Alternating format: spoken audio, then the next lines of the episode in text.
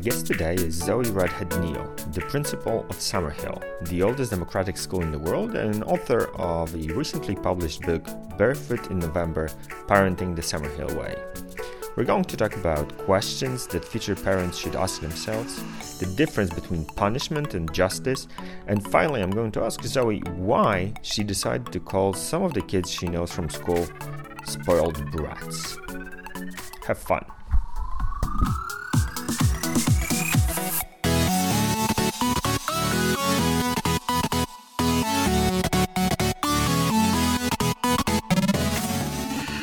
Um, I always start my uh, my podcast with uh, inviting uh, the guests to share a little bit of a personal or professional current affairs sort of story. So I'd love you to share some of that uh, too. What, how's it going on for you right now? What are you excited about? How how are things for uh, the principal of Summerhill, the oldest uh, democratic school in the world? Um, it's it's been a difficult year for us. It's been you know it's been really hard being a boarding school. Many of our pupils come from Southeast Asia. Uh, we we're down on our numbers because a number of pupils, of course, parents are quite reluctant to send their children back in case they can't return and so on. So it's been a very st- stressful year from that point of view. Um, uh, but uh, yeah, but life at Summerhill is life at Summerhill. It has its ups and downs. You know, the children are delightful. The the philosophy is unchanged, um, and uh, I feel quite positive in a way by the by the very early stages of seeing possibly some changes in education in that because schools are or because governments are perceiving that there are huge mental health problems in schools, then they're being forced to kind of think about maybe the systems we're using aren't quite right. So I think that's I think that's a little bit positive, but it's very, very, very small. yeah, um, that is true. But um, you know, we have a lot of support at Summerhill. We're very excited about you know the, the the festival that's that's happening in the summer, and well, I'm not really involved in it very much. My son Henry and his team are, um, a team, not his team, but a team are, are, are working on that. Um, so that's all very exciting. And, um, you know, it's been difficult for us to celebrate our 100th birthday because now we're 101 and we've got, but we've got an event happening. We're linking up with the Institute of Education in London in the autumn, and we've got a, an event with them talking about democracy in schools and also an art exhibition of Summerhill paintings and things. So so we've you know there are some exciting things happening. Just i don't like too much excitement at my age to be honest. Yeah that makes sense totally. I, I, don't, uh, I don't go out partying anymore you'll be surprised to hear I don't do either. Uh, yesterday was the 20th uh, anniversary for me and my wife, and we just stayed home and opened a bottle of wine. So. Exactly. Well, yeah, my, my husband and I are similar. We watch we watch Downton Abbey on TV or something, you know, over and over again because it's easy. right. Um, all right, Zoe. So uh, my first excuse to invite you to to the podcast was the Summerhill Festival, but then um, well, things got complicated because of COVID, and uh, but then um, a couple of weeks ago, uh, your book was published called uh, "Barefoot in November: uh, Parenting the Summerhill Way." Well, and I I had no choice. I like had to push it through um, and and finally make it to to to have you in my podcast and and talk about uh, your experience uh, being uh, first a student, then a parent, a grandparent, and eventually a principal at uh, at Summerhill. And um, the first question before we get into like the, the, the book itself, I need to ask you about the the title. Why barefoot in in November? I mean my life's goal is to, to spend as much time as possible uh, running around barefoot. So uh, why November? Because um, the day that I watched a particular boy at school um, walking barefoot, and it was in November, and in, and in UK, uh, November is cold. And um, I was thinking about, I'm always thinking about how people cannot or find it very difficult to differentiate between freedom and license. And that's something that's you know part of our founding principles is the difference between freedom and license and taking responsibility for your actions and making you know taking taking decisions based upon whether it will harm other people. And I was watching this boy who'd been with us quite a few years, quite an eccentric character, walking along with bare feet. And I was just, as I was watching, I was thinking, well, that sort of sums it up, really. You know, that's basic freedom. And um, and then later on, I was talking to my husband, and he just said, "Well, there's the title for your book, obviously." And right. we and we liked that, so we stuck with it. Really, it, it, became the working title, and then it's and then it stayed as the title. Um, and it's yeah, I mean, it is it is basically about freedom. You know, we all should be free to walk barefoot in November, unless, as as I explain in the book, unless we are little children who don't understand about getting cold and who get blue feet and then cry and then get you know, get wounds on their feet. I mean, obviously, you have to be, and that also is helpful to me because one of the difficulties with Summerhill is that people constantly misinterpret what freedom really is, and they feel that freedom means letting your children do exactly as they like, and it's very far from that. And so, so in a way, having the story in the book about the 15 year old, but also being able to say that you know, within weeks of that, the school had put through a law saying that, that you can't go barefoot when there's snow on the ground or whatever. Uh, it, it kind of sums up the whole thing. And I, I like that. So. Yeah, and I love the story because uh, uh, on one hand, it's so simple and easy to to understand, but also yeah. you can uh, you can understand how uh, how the rules and and, and the concept of the rule book uh, works at at Summerhill. So uh, yeah, I, I think it's you're super lucky to to get that boy in your eyesight, and and because it really sums up how how things work at at Summerhill. Um, but the, the second question I was was I was thinking about with all your experience, um, you chose to to write a, a parenting um, book rather than just a plain Summerhill story. Why did you choose to to write a book for parents and not like for teachers or for um, democratic school adults? Well, I think first first of all, I'm not a very academic person. I'm not I'm not a, a you know other people write very eloquently about about schools and freedom and so on. And I'm, I don't see myself as that sort of academic writer. But uh, parenting really matters to me because parenting is the root of it all.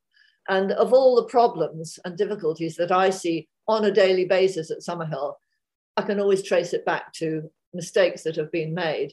And I, I try to not be critical about those mistakes, which, which I hope comes across very clearly in my book. You know that you make a mistake, you can put it right. It's no good beating yourself up about it. Um, and you know this issue of never of being insulted if somebody says you might be doing something wrong with your children is ridiculous. You know, um, and if you know if you make a if you make a loaf of bread and it doesn't rise properly, and you and and I give it to you to taste, and you say why don't you try putting a bit more yeast in it? I'm not going to be insulted. But if my children come and spend a day with you and you come back and say, wow, they were really hard work, um, you, you, know, then I then I become insulted. So I was trying to uh, kind of get it out there, get it talked about a little bit that we don't have to be ashamed of what we do or, and mistakes we may have made, and that we can change any time. You know, even if, if things haven't gone well until your children are 15, you can still change your attitude at that stage. You might have to sit down and explain to them why you're doing it, but, but you can still do that. So parenting is is very close to me. Um, you know, we, we've got Summerhill, people know about it. People make have um, misunderstand a great deal of A.S. Neill's writing.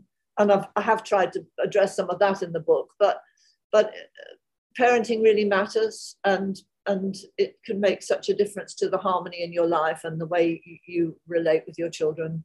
The difference between being happy and joyful and not being happy and joyful, I think. And I love the non-academic way you wrote your book. Like uh, I usually, when I read books, I uh, fold the corners um, wherever I read like a, a, quote that I want to remember and go back to. After uh, first 40 pages of your book, I folded every single corner, so I just stopped.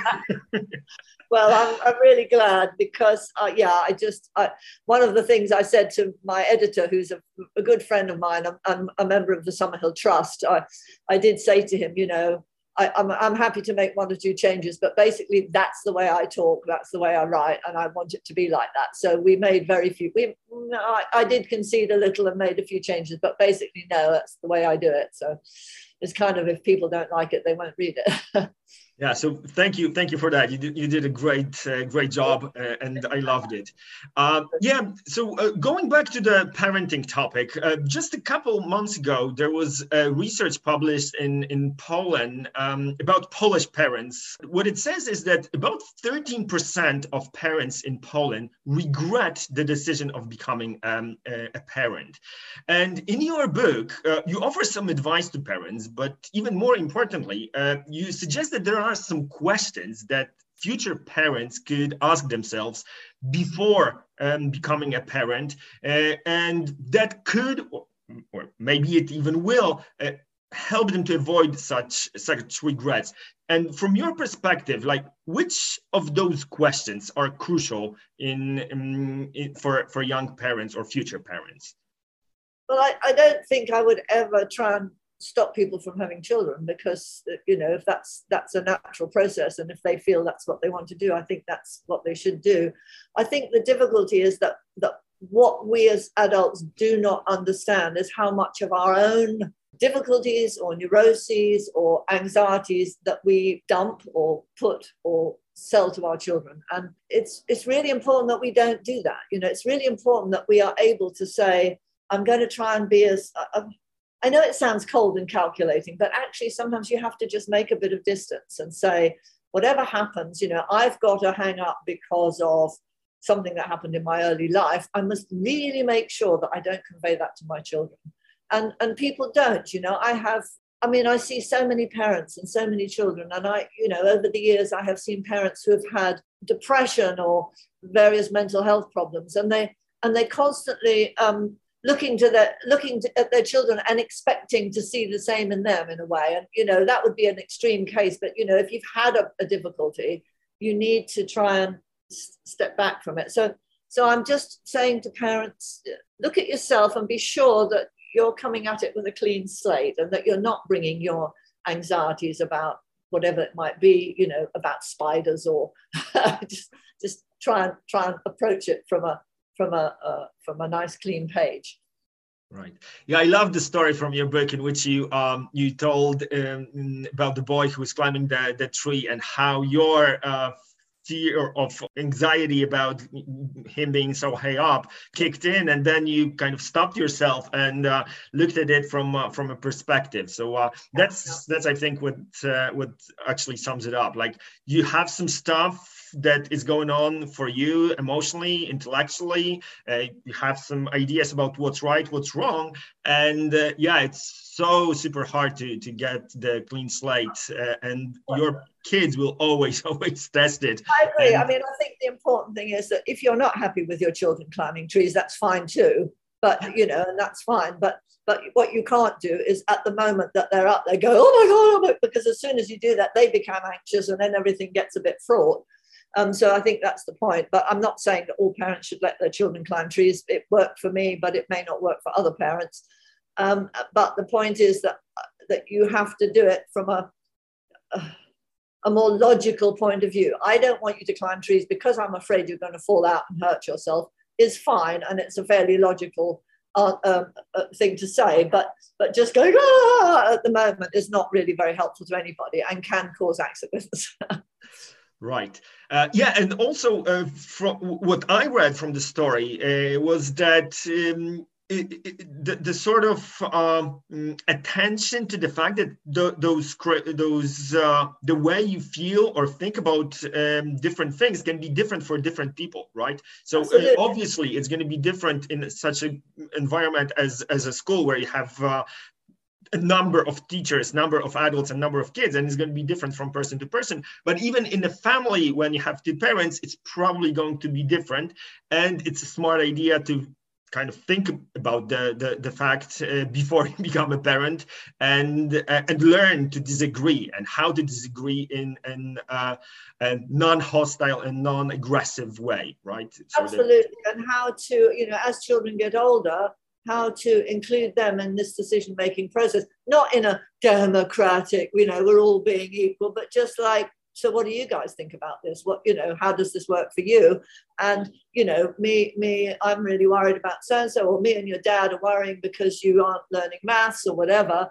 Um, so, you know, what's your take on it? And that's the point that, that, that very often doesn't happen. There are just these expectations that are part of who we are in our lives. And very often, as parents, we don't stop and think that there is a third party here, and that is the child themselves.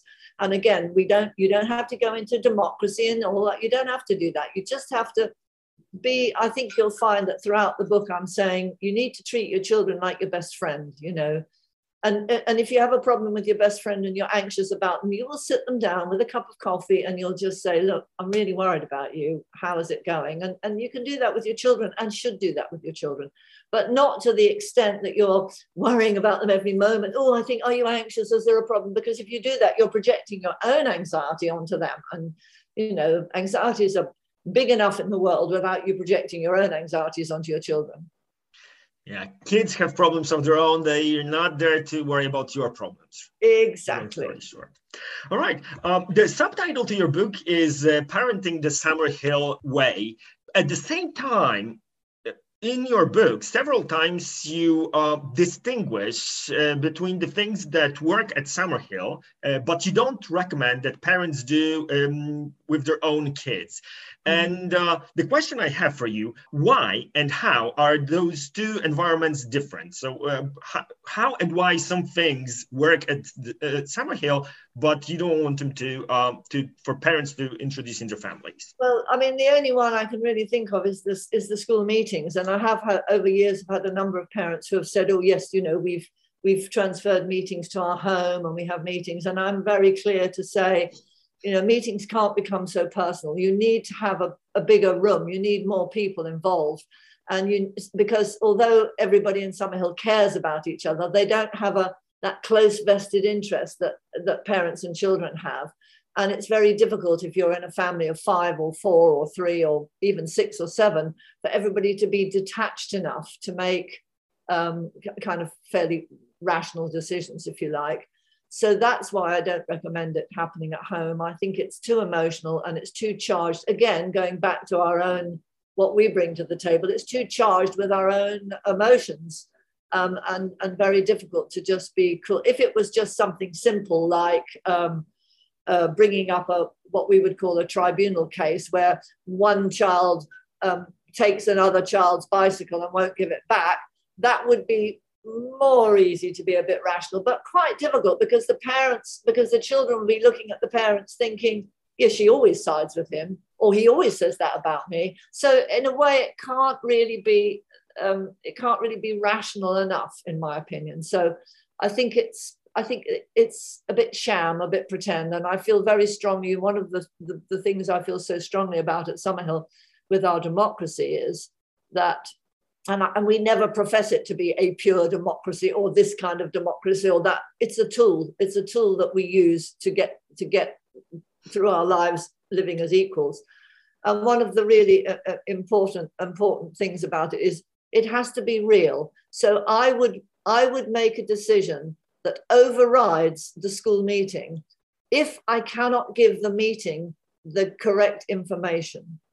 So if I have a situation where I have a child who has a problem that has to be confidential, that I cannot share with the community, then there may come a time, and I have done it in the past, when I have said, we cannot do this with this particular child because of something and I can't tell you because it's confidential, and you've got to trust me. And the meeting will trust me because they know you're going to do that if I have to. And, and that's you know that's important. So if you can't if you can't be rational and you can't give everybody the information then how can they make a judgment on it? And in a way the same thing can happen in a family Right, and that's the role of, a, of an adult in the children's life uh, at the same time. Like you, you, we talked about the problems um, just a second ago, and this is a, an example of such. Right, there is a situation which is simply too much or legally impossible for you to to, to share with uh, with the little ones, and it's it's our job as adults to to to take care of situations like this. Absolutely. However however you said that the meeting uh, is like the, the, one part that not recommend parents uh, implement in their families um, from my perspective uh, the most uh, the, the, most crucial part of Summerhill, also pretty controversial in the um, democratic schools community, is uh, punishment. And I, I, thought about it quite a bit, uh, but uh, it kind of struck me after reading your book that uh, punishment is what they call um, in some uh, in some places natural sort of a natural consequence for for kids in in Summerhill because there is no one person who's who's like uh, giving a, a, child a punishment it's sort of an automatic thing that happens uh, by itself right? So there's nobody to be mad at there's nobody to try to uh, seek revenge from. Like you do something wrong there is the rule book it says what happens if you do this or that and you get uh, get punished. At the same time uh, you said that um, you don't recommend parents do it uh, do it at home. And i super agree with uh, with uh, with that opinion.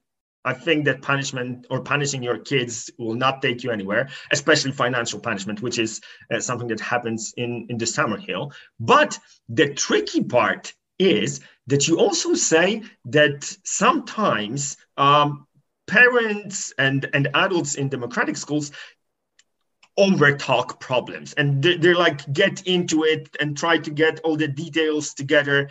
Um, and in your opinion it should stop. Like there is too much of it. So absolutely. So i feel really strong i feel really strongly about that. I mean the 1st mm-hmm. thing i would say is that i don't like the word punishment. We don't see what we do at summerhill as punishment. We see it as justice.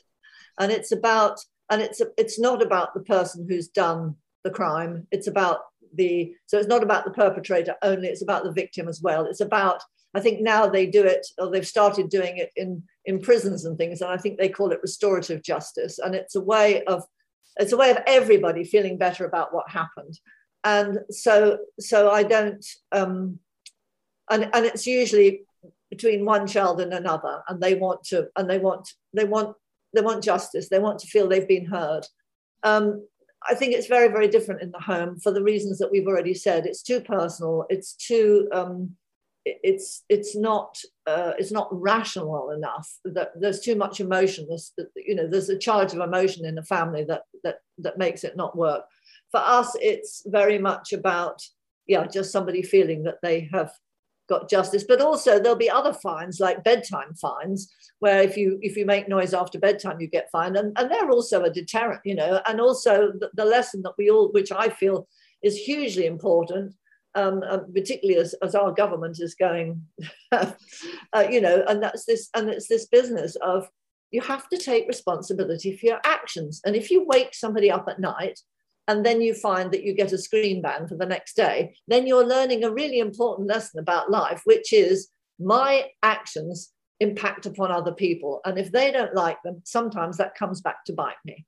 And I think that's just, they're really important things for people to learn. But it's also a, a, deterrent because we can't have everybody in the school doing what they want to do. So you, so you have to have rules in place that they understand there will be consequences. So there's many reasons why um, and yes, I, I absolutely, you know, this this talking through everything is just way and, and, one of the joys of the Summerhill meeting, and everybody who ever sees it says the same thing, is it's just bish bash bosh. We deal with it.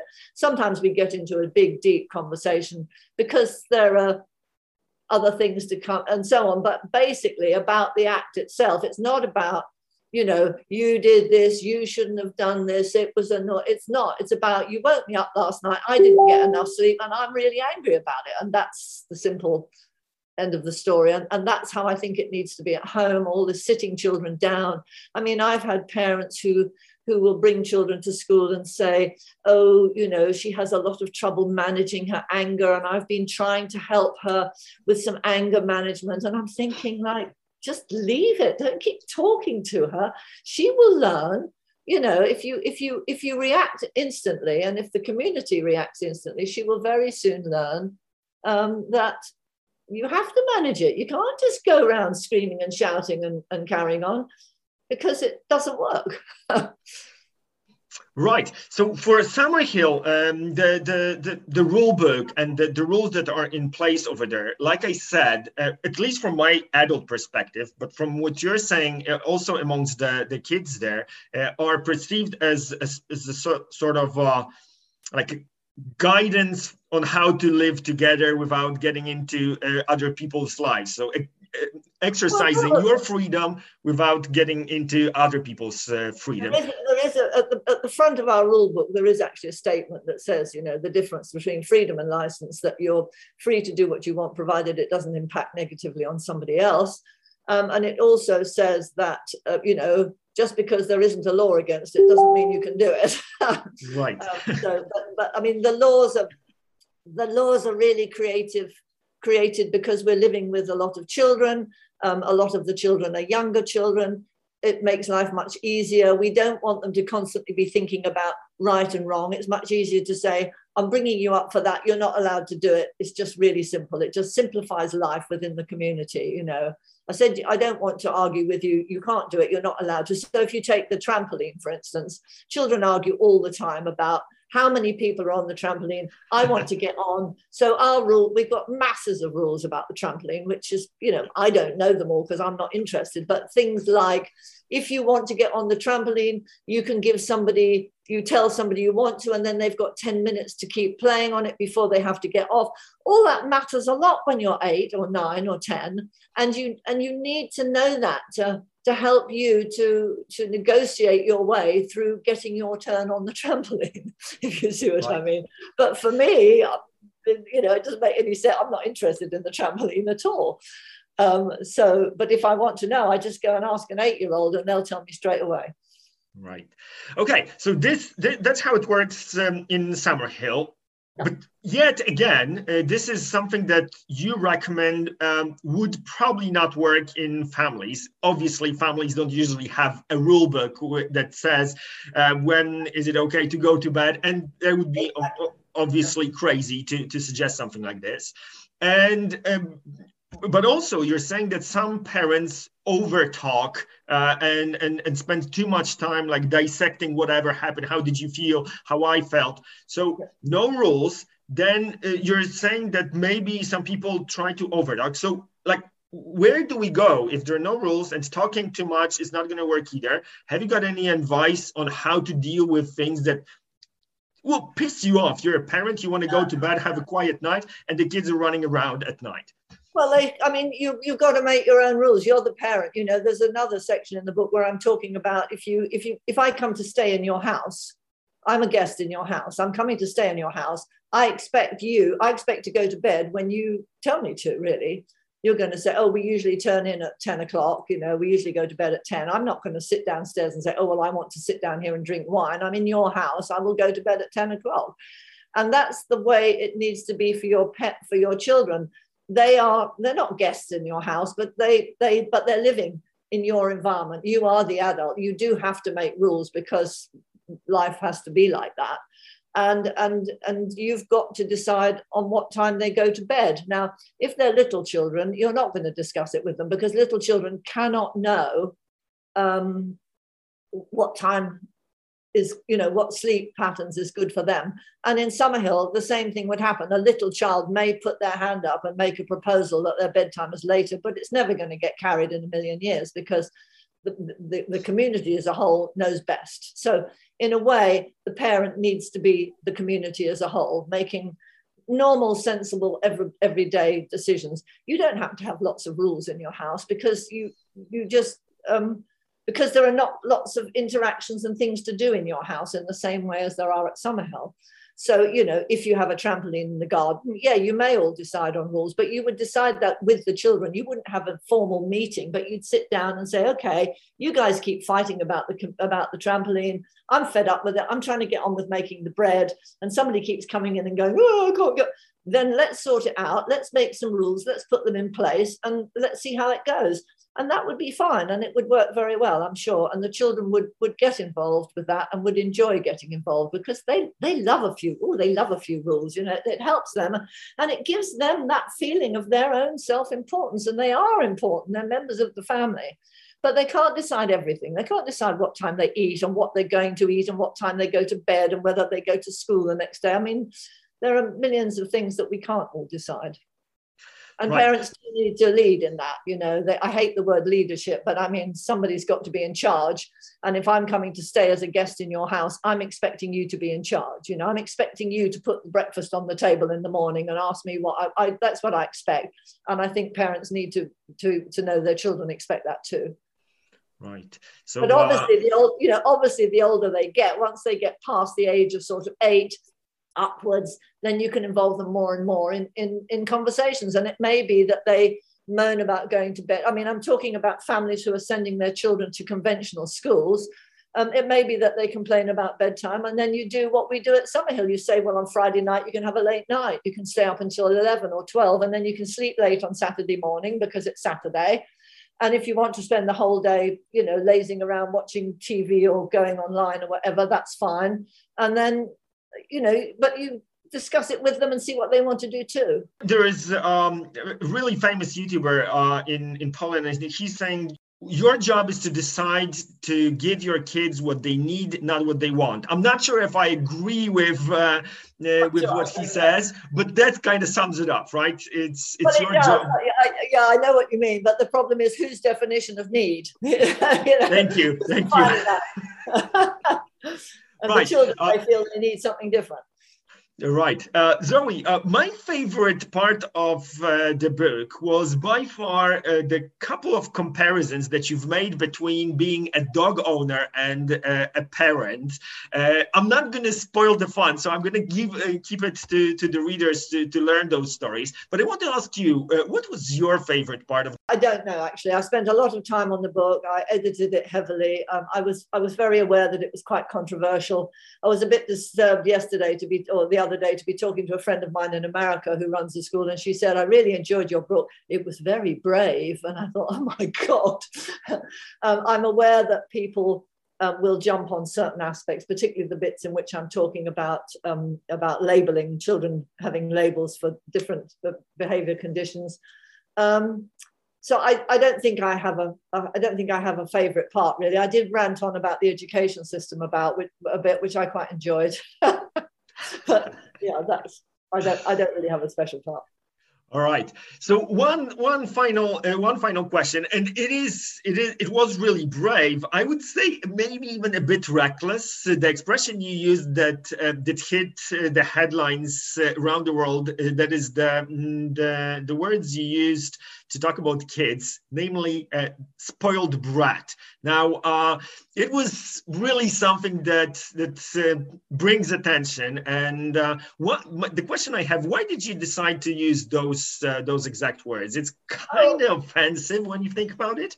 Spoiled, spoiled, saying calling somebody a spoiled brat is just a it's a very it's a very old expression, and and and it would mean and it would generally mean somebody who was totally indulged. And I mean, somebody like Boris Johnson, you might be able to call a spoiled brat.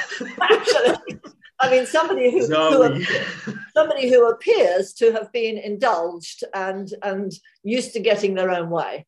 And I don't know whether Boris Johnson was indulged at home, but he certainly is used to getting his own way. And that would be somebody that, in, the UK, uh, you know, using the expression spoiled brat is, is a bit of an old fashioned expression. Oh, oh, he's behaving like a spoiled brat means a little child lying on the ground screaming and saying, I want that, I want that, I want that, I want more ice cream. That would be in, in my mother's day, if she would have said, Oh, he's behaving like a spoiled brat. So that's why I use that expression. Right. But at the same time, you're giving so many uh, wonderful stories on how little spoiled brats come to Summerhill and they learn how to work uh, as uh, or function as part of community. And all of a sudden, they, they learn how to express and, uh, exercise their freedom without hurting uh, other people. So, uh, definitely, definitely a, a book to read for everyone around the world. And that's the last question I have for, for you like when uh, is it going to get published in Poland? Well, my, my editor is, is currently looking. I mean, I think he's, you know, we, because A.S. Neill's books are being published in many languages, he has a lot of contacts. And obviously, the first thing he's doing is contacting those publishers. Um, you know, it's not his full time job, so he's going at it fairly slowly. But um, we are we're intending to try and publish it all over because um, yes, we're aware that people are interested, and more so in other countries than in the UK actually. So uh, definitely, it's on the cards that that will happen. But he needs to find a publisher and a translator uh, who really want to go ahead with it. So. Right. I'm super excited. Get there. yeah, I'm super excited to, to get into Poland. In the meantime, uh, you do ship worldwide. Uh, it was a bit of a challenge to get the customs and everything. It cost actually cost me four times uh, the the price of the book to get it shipped well, to Poland. I think, I think since then we've managed to, by calling it a gift, we've managed to reduce that. But it, it is hard because of the no EU now. You see, it's just it's a nightmare but we do our best. Hopefully, it's going to be on Amazon um, fairly soon, but I'm not sure if that will help either because there's still those restrictions. But um, yeah, that's nothing. Well, team up, guys. Get your friends together. Buy five at once. It's going to make things a lot easier to, to get five books at the same time, and it's definitely worth whatever money you're gonna ha- you're gonna pay for it. Thank you very much. Uh, I, I, it's I don't know how the Polish translator is going to translate spoilt brat into Polish. That's actually something to think about. Uh, yeah, actually, let's leave it to uh, to our listeners to figure out a way to translate it into into Polish. Zoe, thank you for so much for being here today. Uh, thank you for uh, for um, all the advice and, and writing the book. I really think it's a milestone for every every parent who's thinking about uh, uh, parenting in a smart, uh, compassionate way. Thank you so much. Thank much. You very much. I really appreciate that. Thank you. So nice to meet you.